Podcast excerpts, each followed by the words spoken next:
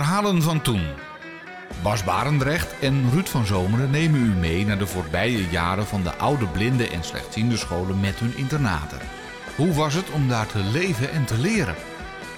Luister het komende uur naar Verhalen van toen.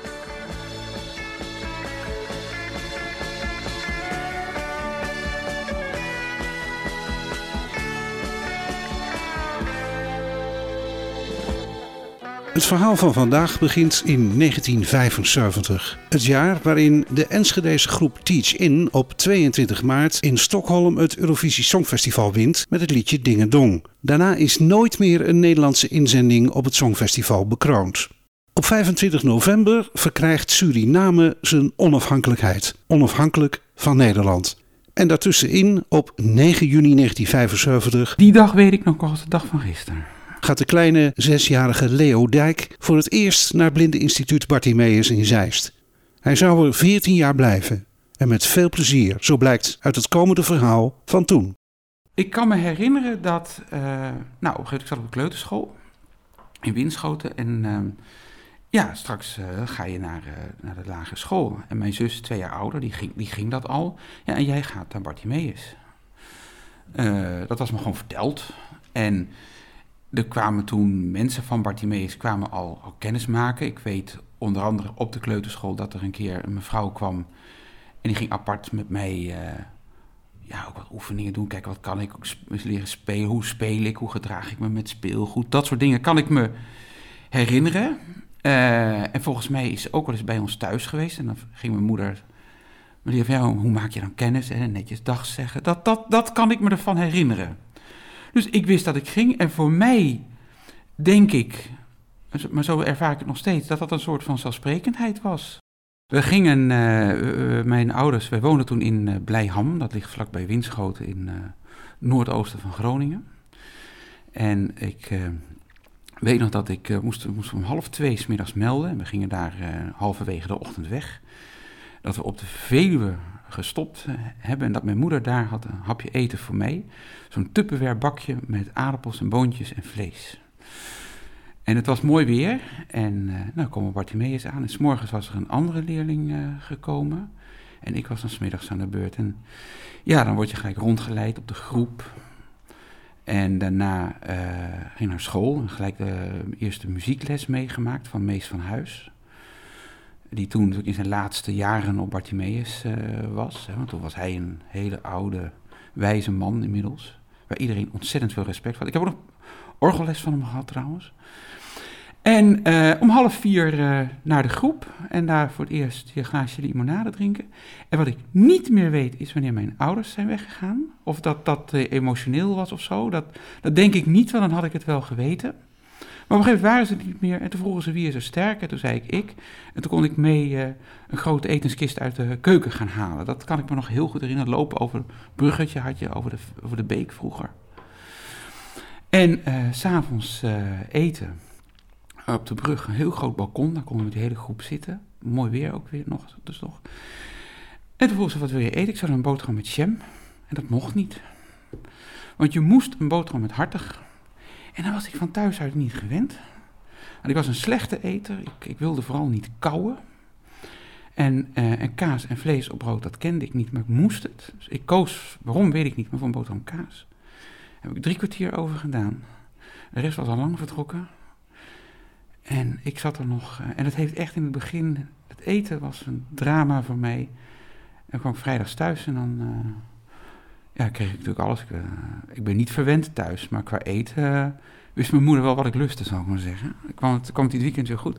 Ja, en op een gegeven moment is dat bijgetrokken. Toen ontdekte ik dat ik vlees lekker vond. En kaas eet ik nog steeds bijna niet, omdat ik dat toen moest. En net als geprakte bananen moest ik mee naar de keuken, moest ik banaan prakken, want dan dat zou ik dan wel eten, dan hoefde ik niet te kauwen. Maar dat vond ik zo vies. Maar verder, eh, ja, was ik, vond ik het heel leuk. Andere kinderen was heel snel gewend, geloof ik. Ik vond het wel spannend natuurlijk. Alles voor het eerst nieuw. Zwemles, gymles.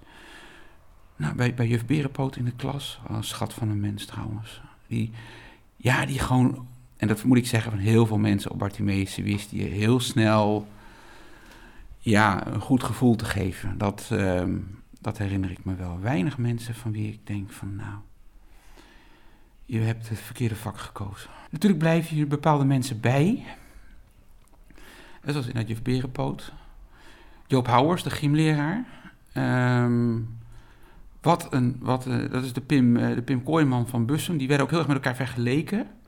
Later heb ik dat meegemaakt. Dat die twee, maar volgens mij hadden die twee. Uh, of ze veel contact met elkaar hadden, weet ik niet. Maar heel erg dezelfde, dezelfde houding en mensen motiveren, laten zien wat ze kunnen.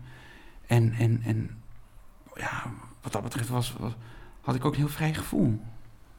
Ik ben natuurlijk van de generatie die kwam dat jongens en meisjes niet meer gescheiden waren. Dus uh, de eerste groep waar ik in terecht kwam waren zowel jongens als meisjes. Uh, hoe dat met slapen ging, dan kan ik me niet herinneren.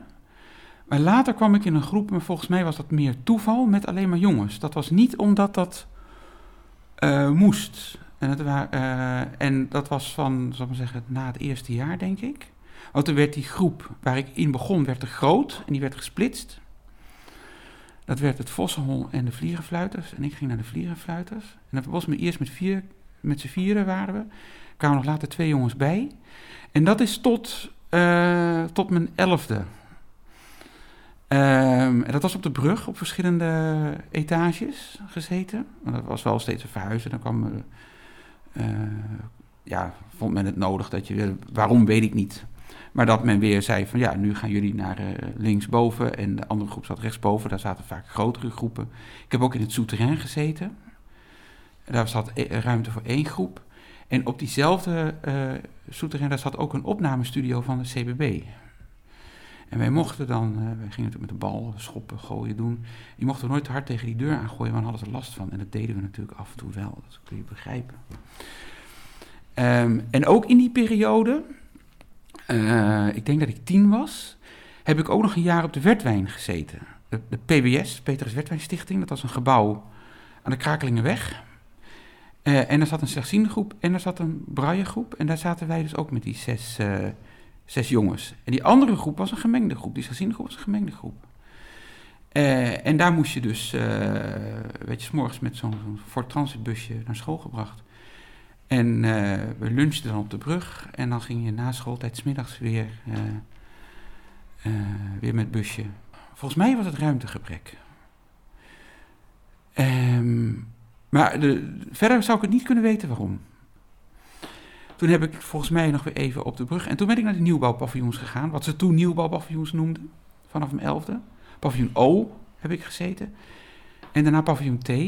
En dat waren wel gemengde groepen. Ik moest naar een groep waar ik meer tegenwicht kreeg. Toen ben ik naar paviljoen O gegaan. En daar was ik qua leeftijd denk ik de jongste. Maar waren ze ook allemaal echt ouder, ook qua ontwikkeling zal ik maar zeggen. Dus daar, uh, ja, dan moest ik me echt meer uh, verdedigen, zal ik maar zeggen. Uh, niet, niet fysiek, maar wel dus, ja, was ik de jongste. Op dat Bartimeus terrein, kennelijk had ik een vrij goede, ja, vrij goed oriëntatievermogen. Waardoor ik ook vrij snel gewoon overal de weg wist. Kon daar lekker spelen, kon daar lekker rennen. ja, op school pikte ik het allemaal vrij makkelijk op. Ehm en we hadden achter de brug ook een speeltuin, schommelen, glijbaan. Ik pakte zelfs gewoon een fietsje en dan ging ik er rondfietsen. Het enige wat je moest hopen dat je niet een andere blinde tegenkwam die je niet zag. Maar je kon je, kon je daar heel vrij bewegen, vond ik. Ik wist elke tegel, elke, elke klinker te liggen, zal ik maar zeggen. Dat was een heel ja, onbekommerd gevoel.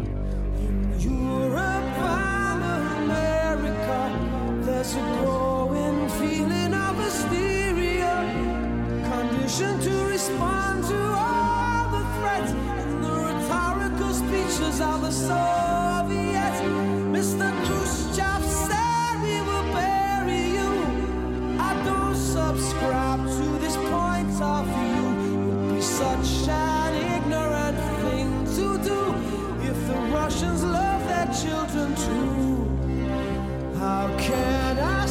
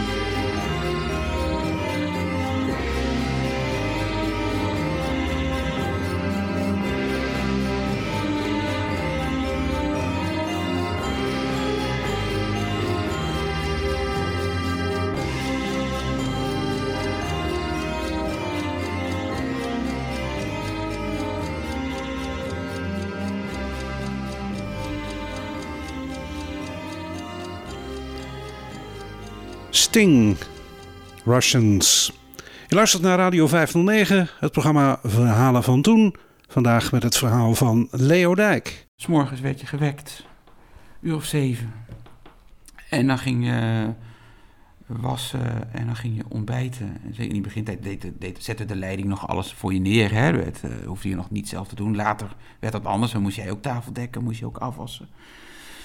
En dan ging je uh, eten met elkaar. Dat was uh, ja, heel gezellig. Eigenlijk altijd kletsen over van alles en nog wat. En daarna ging je, mocht ik, als, als we op tijd klaar waren, nog even spelen. En dan om kwart voor negen naar school. En dat liep je. Dat was twee minuten, zal ik maar zeggen. Twee minuten of drie minuten. En dan had je twee keer drie kwartier. En dan had je speelkwartier. Dan ging je terug naar de groep. En als je, Dirk op de bovenste verdieping werkte, zei, daar kregen we altijd, uh, kon je kiezen uit chocomel of, of gewone melk, geloof ik. En dan stonden we echt die hele, hele brug. En ook de externe leerlingen kwamen daar volgens mij. Nou, een kwartier was, uh, was alles weer terug.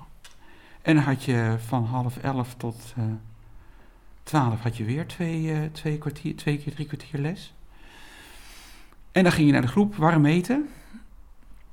En ja, zeker in die eerste jaren was dat eigenlijk ook allemaal, ja, het was tafeltje dekje bij ze van spreken, stond allemaal klaar. En ook dan had je weer tijd over, ging je al naar het schoolplein of in die speeltuin schommelen.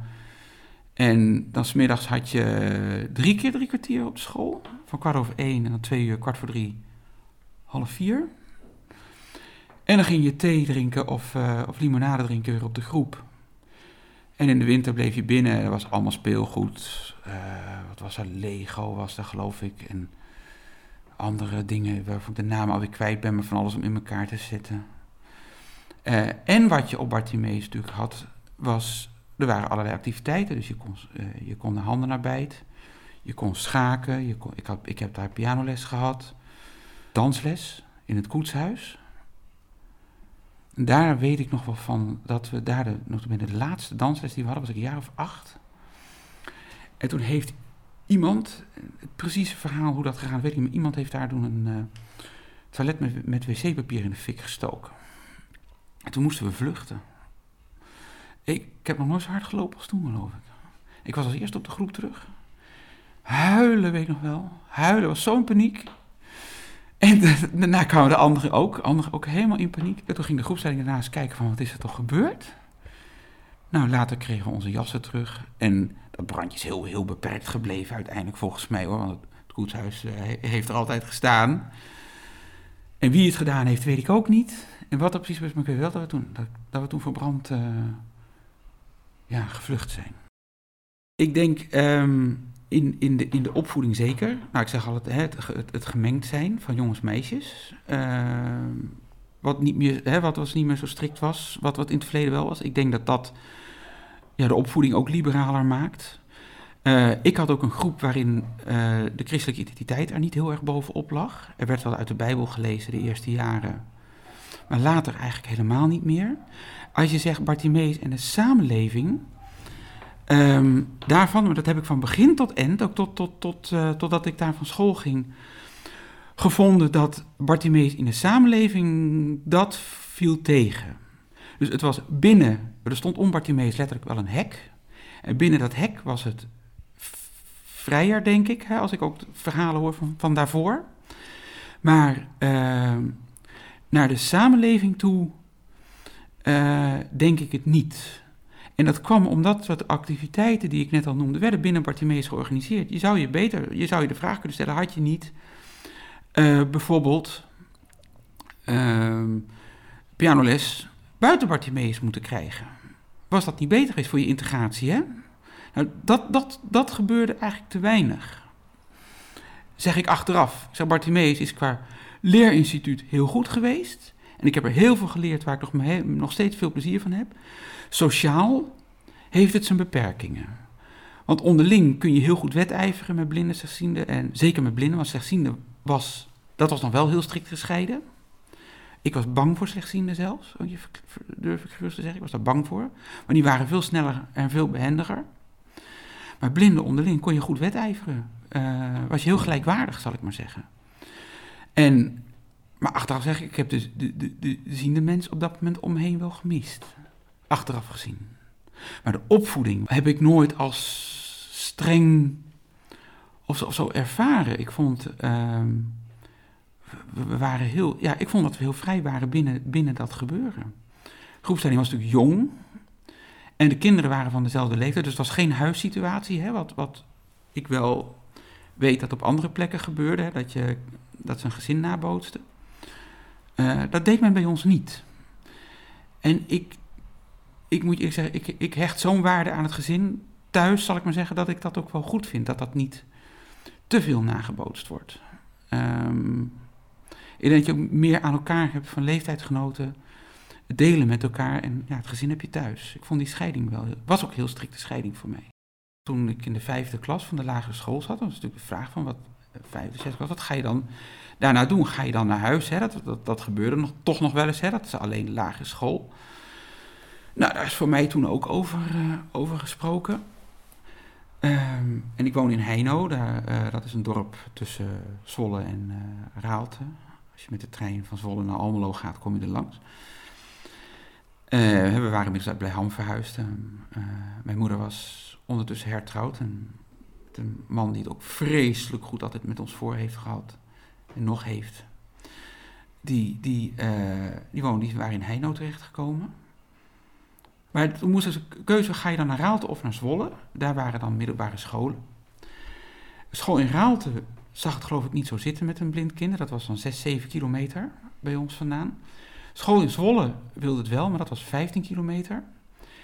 En met het OV was dat niet makkelijk, dus dan moest je met, uh, uh, met taxi.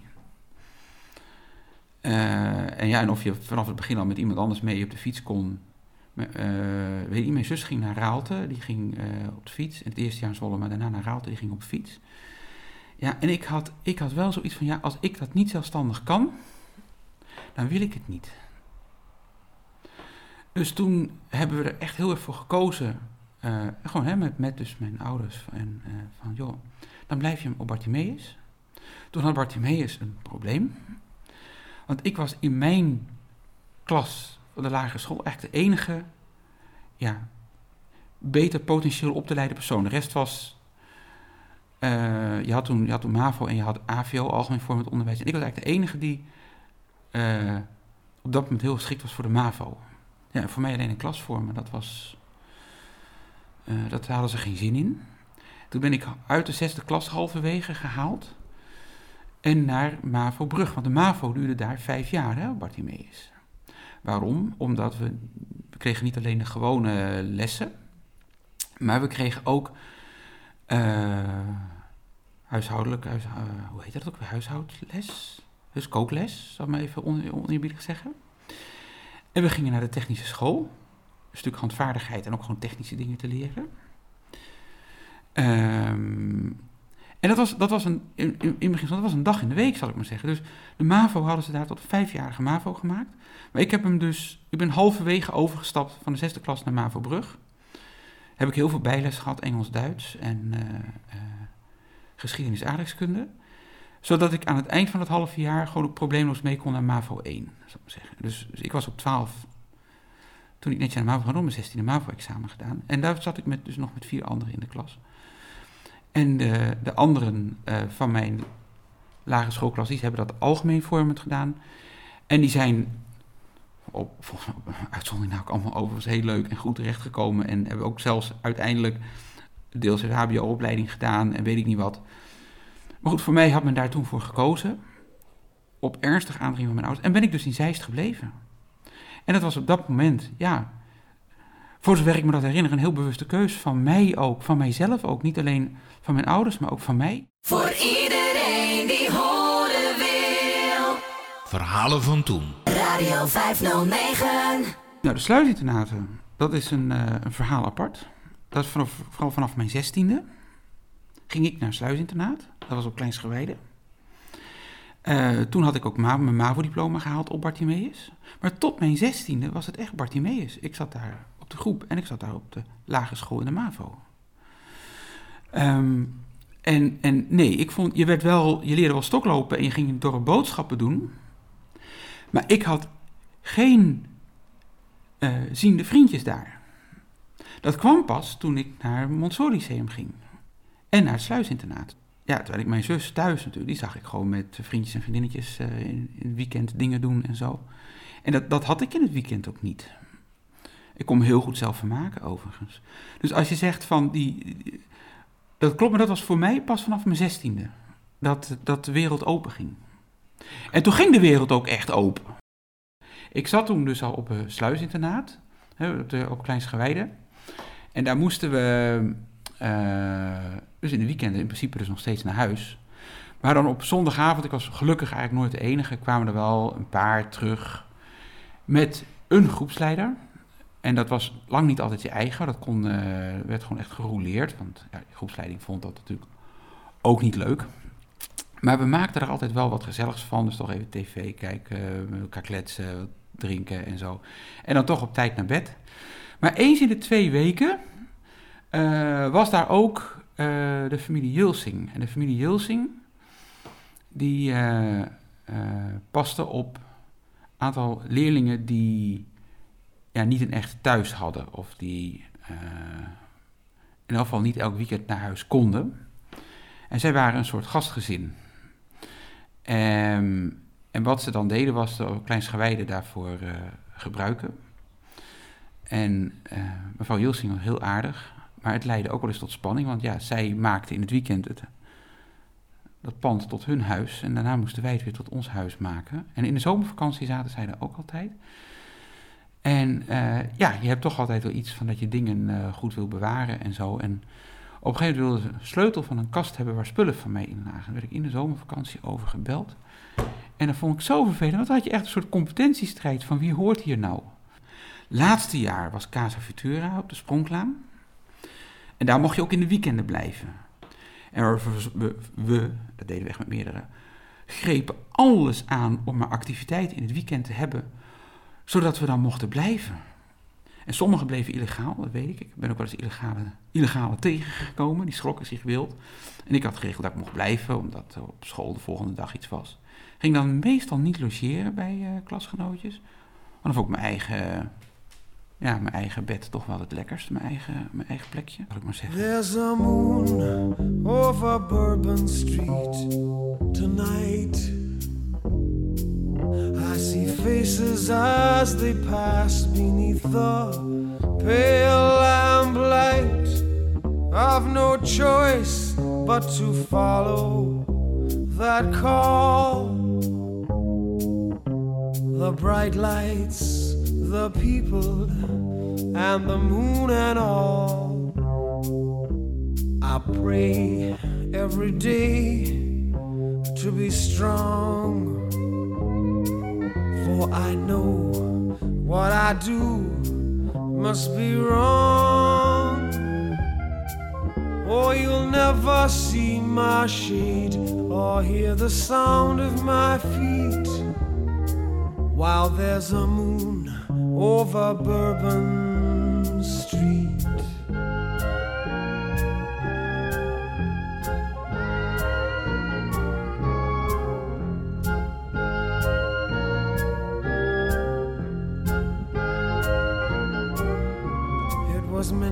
ago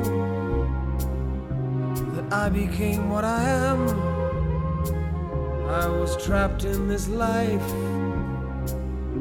like an innocent lamb.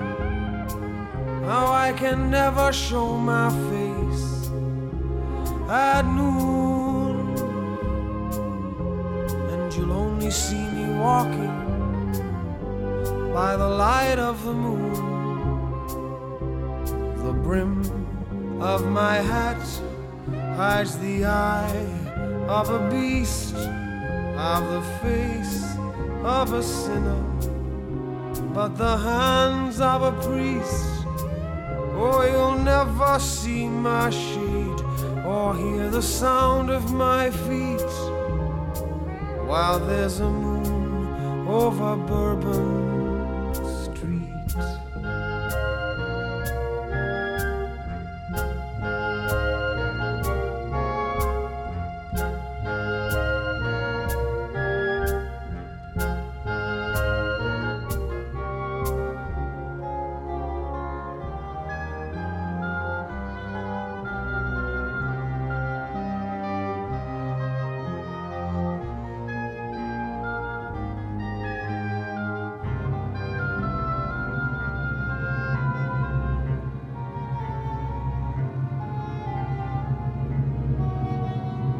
walks every day through the streets of New Orleans. She's innocent and young from a family of means. I have stood many times outside her window at night to struggle with my instinct in the pale How could I be this way when I pray to God above? I must love what I destroy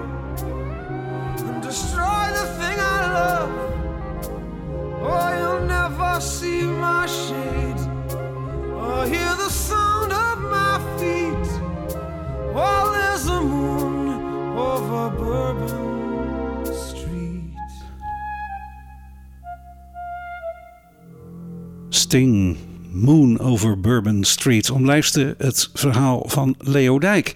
Na het beschermde onderwijs op Bartimeus, dan de sprong in het diepe, het regulier middelbaar onderwijs, het Montessori Lyceum in Zeist. Ik op de eerste schooldag dat ik daar naar het uh, Montessori Lyceum heb ik een, ongelukje, een klein ongelukje gehad. Ben ik aangereden door een brommer. Daar heb ik heel veel last van gehad. Niet fysiek, maar wel tussen de oren. Leo komt voor het eerst in een grote boze wereld. Potverdomme, ze rijden omver. Daar heb ik heel veel moeite mee gehad. En ik moest op die school, op dat Montessori, moest ik wennen, joh. Wennen aan de, aan aan, aan de grote klassen. En ik moest daar opnieuw vriendjes maken. Dat vond ik heel moeilijk. En we gingen met z'n tweeën, met nog een ander klasgenootje van mij. Die was, was een externe leerling, die was daar handiger in dan ik. En op een gegeven moment heb ik ook gewoon ja, aan de bel getrokken, ook op school. Ik zei, jongens, ik, ik heb heel veel moeite om een weg te vinden. En ook thuis al met, mijn, met mijn ouders over gehad. Van, hoe doe ik dat nou? Mijn klasgenoten heel erg losgelaten, die andere blinden. Dus echt zeggen van, wij zijn twee. De school had heel erg de neiging om ons over één kam te scheren. En, en, en, en andere leerlingen deden dat ook. Ik heb daar echt het eerste, eerste half jaar mijn weg moeten vinden tussen al die, tussen al die leerlingen. Ik uh, merkte dat ik het heel moeilijk vond om afstand van die andere leerling te nemen. En om mijn eigen weg te zoeken. Ik merkte dat ik... Nou, dat had ik niet geleerd. Ik wist niet hoe dat moest in eerste instantie. En, en op een gegeven moment... Uh, en dat kan ook in je karakter zitten. Hè? De een is veel ondernemerder dan de, dan de ander. Ik denk dat ik um, ja, wel goed kon leren, maar heel ondernemend in de zin van uh, overal op afstappen. Dat vond ik in het begin heel moeilijk. Om, om, om, ja, ik vond het een heel, uh, heel massaal. Al die andere leerlingen, dat denderde uh, maar over, om je heen en over je heen. En ik was heel gefocust op de leerstof en ik zeg in het sociale aspect. Hè, er waren plotseling allerlei mensen om je heen die, ja, die, die, die kwamen gewoon uit een heel andere wereld. Dat, bes dat beschermde was weg. Ik moest plotseling mijn eigen weg zoeken. Een heleboel, uh, nou, wat ga je dan in de pauze doen? Ga je dan mee met de mensen die buiten staan te roken, terwijl je zelf amper wist wat roken was? Alhoewel er Bartimeus ook wel stiekem gerookt werd, weet ik, maar ik hield me daar verre van. Maar ja, ik vond dat leuk, dus ik ging daar dan mee naar buiten. Maar ik vond het heel moeilijk om contact te leggen in het begin met, met anderen. En na een half jaar had ik dat een beetje door hoe ik dat moest doen. Uh, ja, ben ik kennelijk toch gelukkig ook de juiste mensen tegengekomen die qua karakter en interesses uh, ja, ook met mij dingen deelden op muziekgebied. Uh, dat was het vooral. Ik denk op muziekgebied. En uh, uh, ja, dat ik toen merkte van, hé, hey, we kunnen... Ik kan met die mensen ook over leuke dingen praten. En die lieten mij muziek horen. Ik liet hun bijvoorbeeld muziek, het delen van, van cassette, het uitlenen van cassettebandjes bijvoorbeeld. Dat kon daar dus ook. Dat kan me nog heel goed herinneren. Nou, als je dat dan eenmaal door hebt... Um, ja, kun je ook, je eigen, kun je ook daarin je eigen weg uh, vinden. Maar dat heeft een half jaar geduurd. Het eerste half jaar heb ik het heel moeilijk gehad. En ik heb me ook heel vaak afgevraagd van, kun je, kun je nou een, een, een leerling daar beter op voorbereiden? Nee. En ik was daar eerst niet tegen opgewassen. En toen ik dat doorhad, na een half jaar, ja, toen ben ik gewoon echt mijn, mijn, mijn, eigen gang gegaan. Eh, en op school, in Montessori school, is natuurlijk ook weer een vrijheid. Hè? Ook heel erg je eigen dingen inrichten, je eigen les, je volgorde bepalen wanneer je wat doet. En ehm, ja, toen ik dat eenmaal door had, ben ik ook daar mijn, mijn, mijn eigen vrienden in gaan, zoeken. Ja, toen heb ik een gouden tijd gehad. En dus ook met anderen. En toen was Bartimeus voor mij, het sluisinternaat was gewoon waar ik woonde. En ik had de school, waren, toen kwam ik wel los van, van Bartimeus. Had nog wel steeds pianoles op Bartimeus. Maar verder, we muziceerden ook op school. En, en eh, er kwamen ook wel leerlingen van, van school ook bij mij op bezoek. Ging ook voor ze koken. En ik kwam ook wel bij anderen thuis. Dus dat, uh, toen veranderde de wereld voor mij volkomen. Alleen moest je wel, uh, wel op tijd weer terug zijn op zo'n sluisinternaat. Dat wilden ze weten. En want er was natuurlijk groepsleiding en je kookte ook met en voor je groepsgenoten. Ik had ook een paar vriendjes die heel handig waren met, uh, met, met, met de eerste computers. Toen hadden we een Commodore 64. Hadden we zover dat we die aan een braille-machine aan zijn Perkins aan konden sluiten. En dan konden we daarna teksten printen. Hebben we zelfs de inspectie van het onderwijs nog voor laten komen of ik daar eindexamen, mijn VWO-eindexamen mee mocht doen. En dat mocht. Nou, geweldig. En ja, en ondertussen moet je dan nog het examen zelf doen. Dat stond bijna op het tweede plan, zou ik maar zeggen. Dus ja, weet je, dan vertrek je toch goed. Behalve dat er dus een klas is met veel meer leerlingen, herinner ik me daar ook vooral goed dat je dus niet meer op maandagochtend uh, naar Bartimeus ging. Maar ja, op de gewone school beginnen de lessen om half negen s morgens.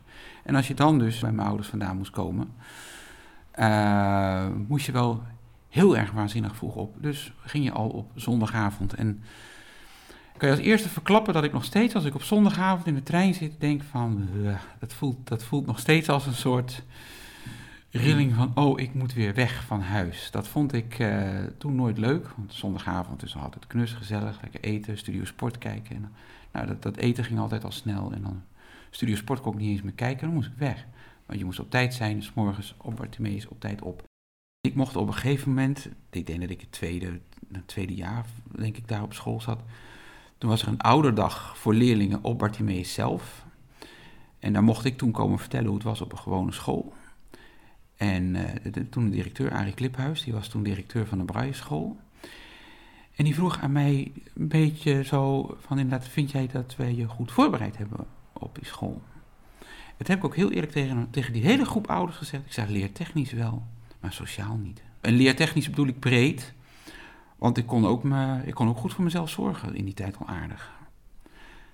Uh, Zo'n zo klein klasje op, op, op Bartimeus, hè. In, de, in de MAVO zaten wij uh, met z'n vijf en het laatste jaar met z'n vieren.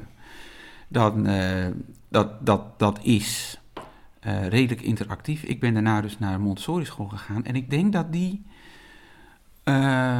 qua manier van onderwijs geven niet zo massaal is. Daar is het, was het ook heel erg interactief tussen leraar en leerlingen. En ik denk dat ik daar heel erg geknipt voor was. Dat zat in mijn. Uh, ik, ik, ik, ik paste heel goed in dat. Daar je eigen weg in vinden leertechnisch. Omdat ik. Ja, ik was, ik was natuurlijk niet de domste. Dus, dus het leren het maken van aantekeningen, zo, dat ging voor mij heel erg vanzelf. De stof was pittiger, ja, omdat het, omdat het HAVO was, ja. En met name met wiskunde, dat vond ik wel heel moeilijk in het begin. Uh, maar het Montessori-systeem maakte dat je ook daar dan weer extra aandacht van docenten voor kon krijgen. En dat wist ik heel goed te organiseren voor mezelf.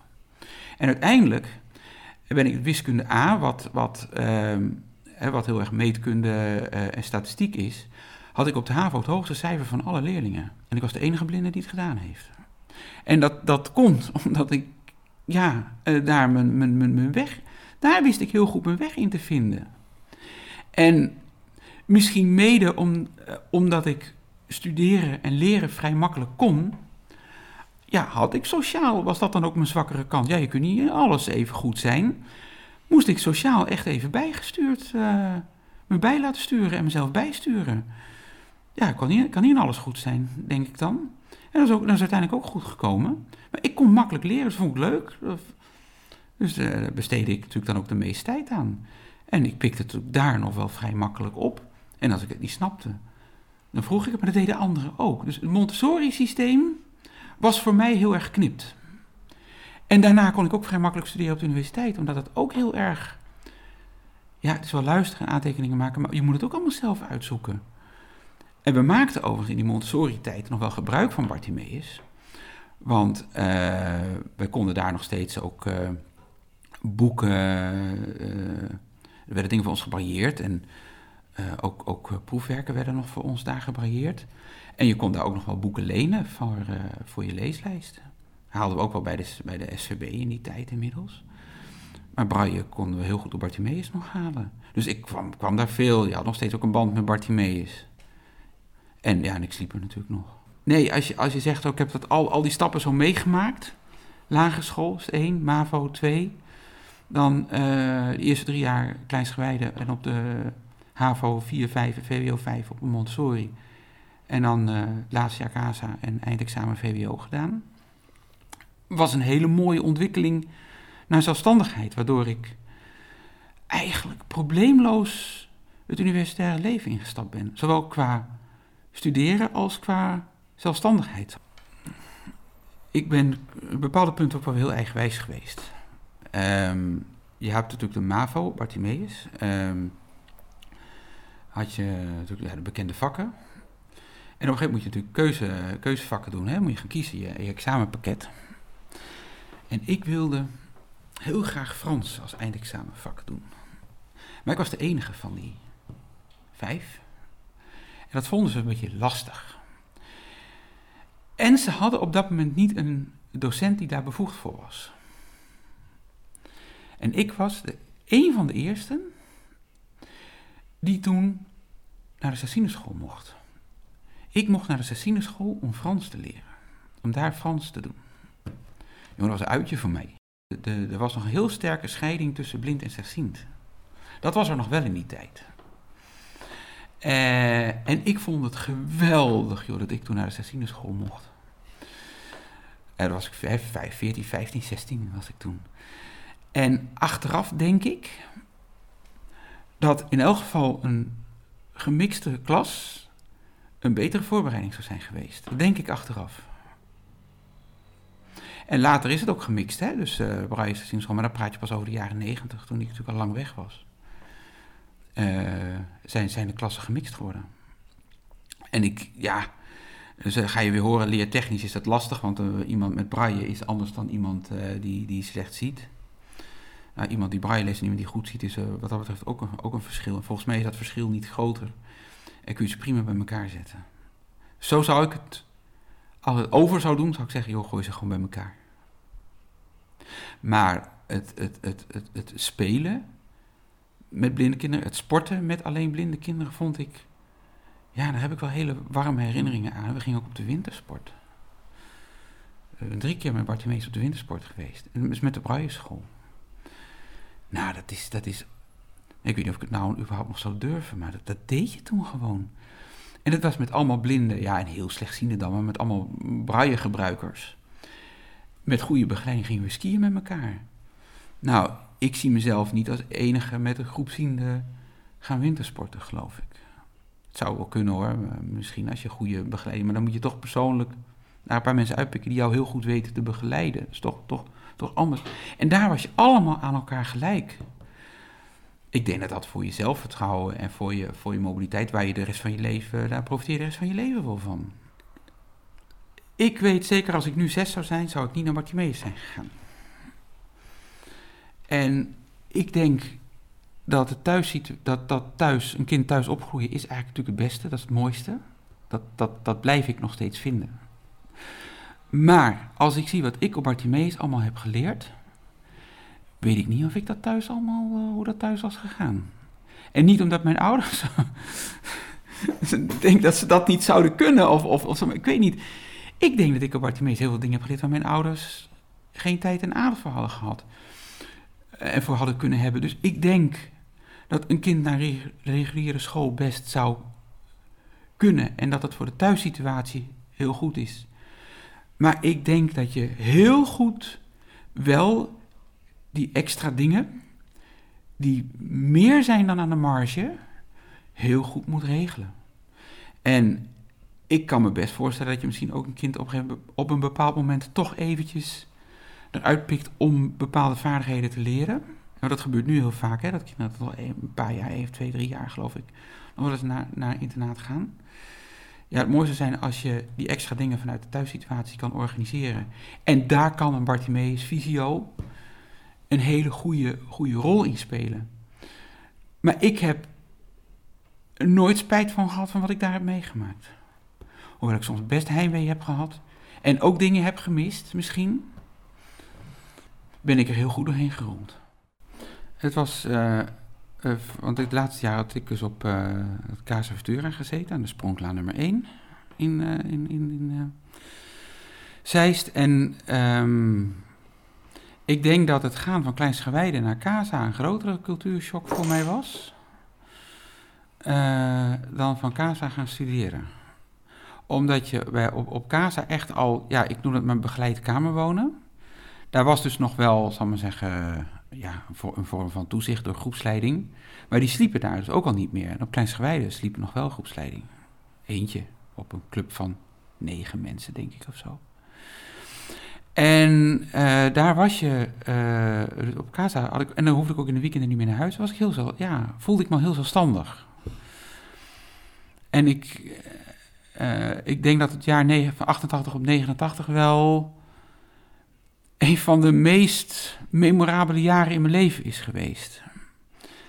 Omdat ik die stap zette, dus dat je echt, zal maar zeggen, ja, het was echt al een soort studentenleven was dat al, want je, je deelde de keuken met elkaar. Maar je had, en, en het toilet en eh, de douche. Maar je had wel je eigen kamer. En dan kon je gewoon zeven dagen in de week zijn. Ehm, nou, ik werd in dat jaar voor het eerst echt verliefd, weet ik nog wel. Dat- op, op, op, op, op, eh, eh, verliefd op eh, iemand uit mijn klas, op, op, op school. Dat werd, is ook een tijdje wat geweest, maar dat werd pas wat na, het- na, na het eindexamen. Dat heeft een jaar geduurd of zo. En, en er overleed ook een, we hadden toen, toen bewoners, we waren bewoner daar op Casa met z'n vijven. En er ging er eentje, die ging verhuizen, die ging, eh, ging naar Ermelo. En die was, nou, twee weken, en die overleed en die verongelukte daarna. En het jaar gebeurde zo verschrikkelijk veel. Nou, ik denk dat ik daar een hele grote jongen van geworden ben. Ik weet niet, ik was toen twintig, hè? ik werd twintig in dat jaar. Ik denk dat daardoor het studentenleven naar Rotterdam, ik ging naar Rotterdam toe. In de zomervakantie ook wel weer even bij mijn ouders geweest en zo. En dan ging, dan ging ik me daar in Rotterdam installeren. En dat was, eh, ja, dat, dat ging eigenlijk heel makkelijk. Ik vond het ook erg leuk, dus ik kreeg er ook heel veel energie van. Nee, het heeft ehm, een, een, een, eh, een paar jaar geduurd totdat ik weer met de blindenwereld in contact kwam. Ehm, ik ben dat echt even helemaal kwijt geweest. Niet eens heel bewust. Maar ik had er gewoon geen tijd voor, geen, geen aandacht voor. Het, het was weg. En, en nou ja, goed, en daarna heb ik binnen de blinde, blinde wereld genoeg dingen gedaan, dingen opgepikt. Eh, en met, met, met heel veel plezier overigens nog steeds. En dat, ja, daar ben je mee groot geworden. Dat raak je ook nooit meer kwijt. Dat vind, ik ook helemaal niet erg. Maar ehm, nee, eh, heimwee eh, naar Bartimeus. Nee, het was goed. Ik was daar klaar. Ik heb mij, dat is toch wel aardig. Ik, ik vertelde zo straks, ik ben op 9 juni 75 gestart.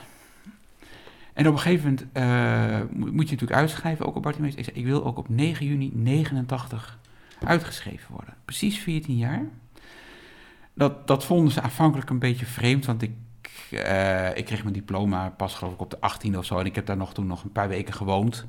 Ze dat doe je dan wel voor eigen risico. Ik zei, joh, kan mij het schelen. Ik zei, schrijf op 9 juni uit. Hebben ze ook gedaan. Precies 14 jaar. Vond ik zo mooi.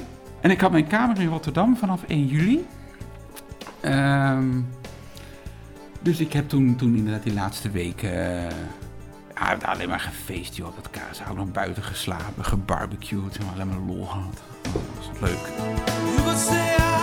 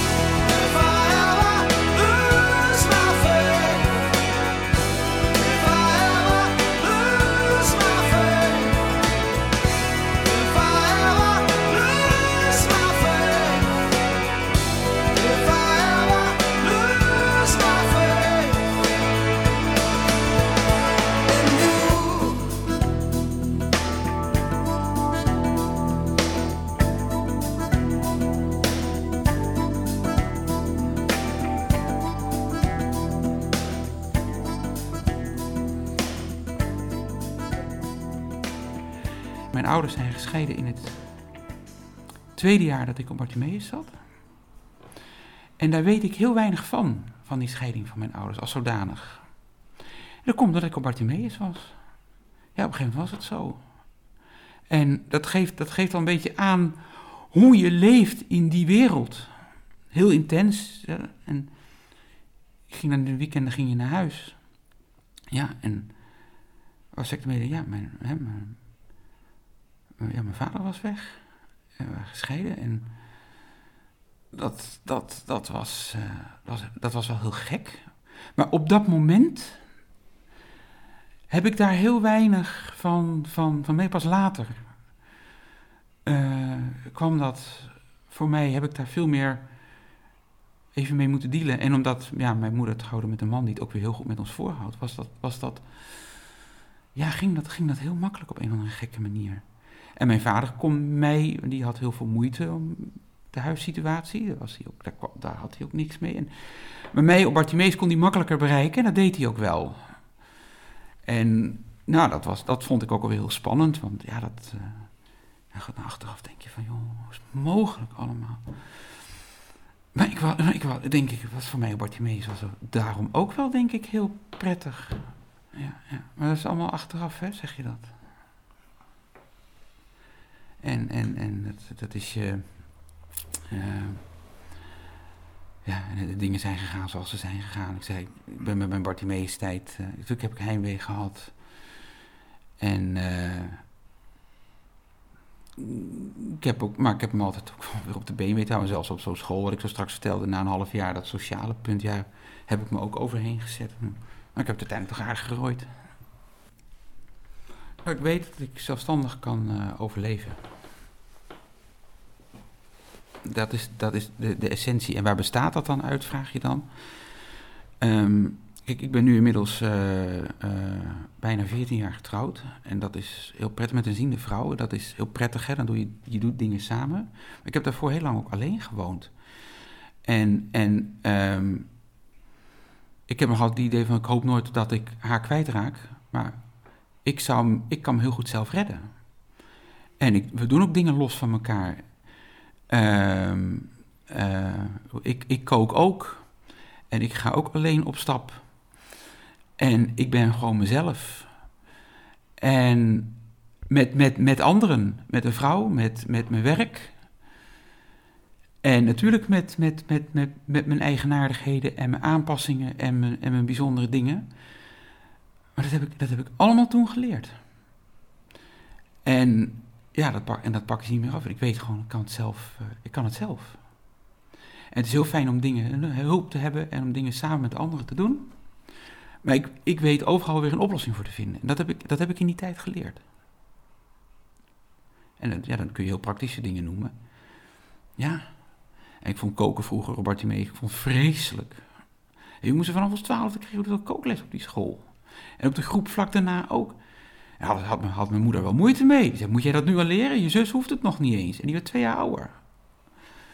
En, en, en, en, en op dat moment zette ik me daar ook heel erg tegen af. Ik vond dat, eh, ik vond het zelfs eng. Hitte, vond ik eng. Ja, en op een gegeven moment komt daar een omslagpunt. En ga je dat doen. En dan denk je, oh, ben ik blij dat ik het allemaal maar gaan, gaan doen. Ja, Tot zover het verhaal van Leo Dijk. Geen tijd meer voor muziek. We moeten afsluiten. Dit waren dus de verhalen van toen voor vandaag. Dank voor de aandacht. Fijne zondag. En tot de volgende keer. Dag. Verhalen van Toen is een programma van Ruud van Zomeren en Bas Barendrecht. Meer informatie is te vinden op www.radio509.nl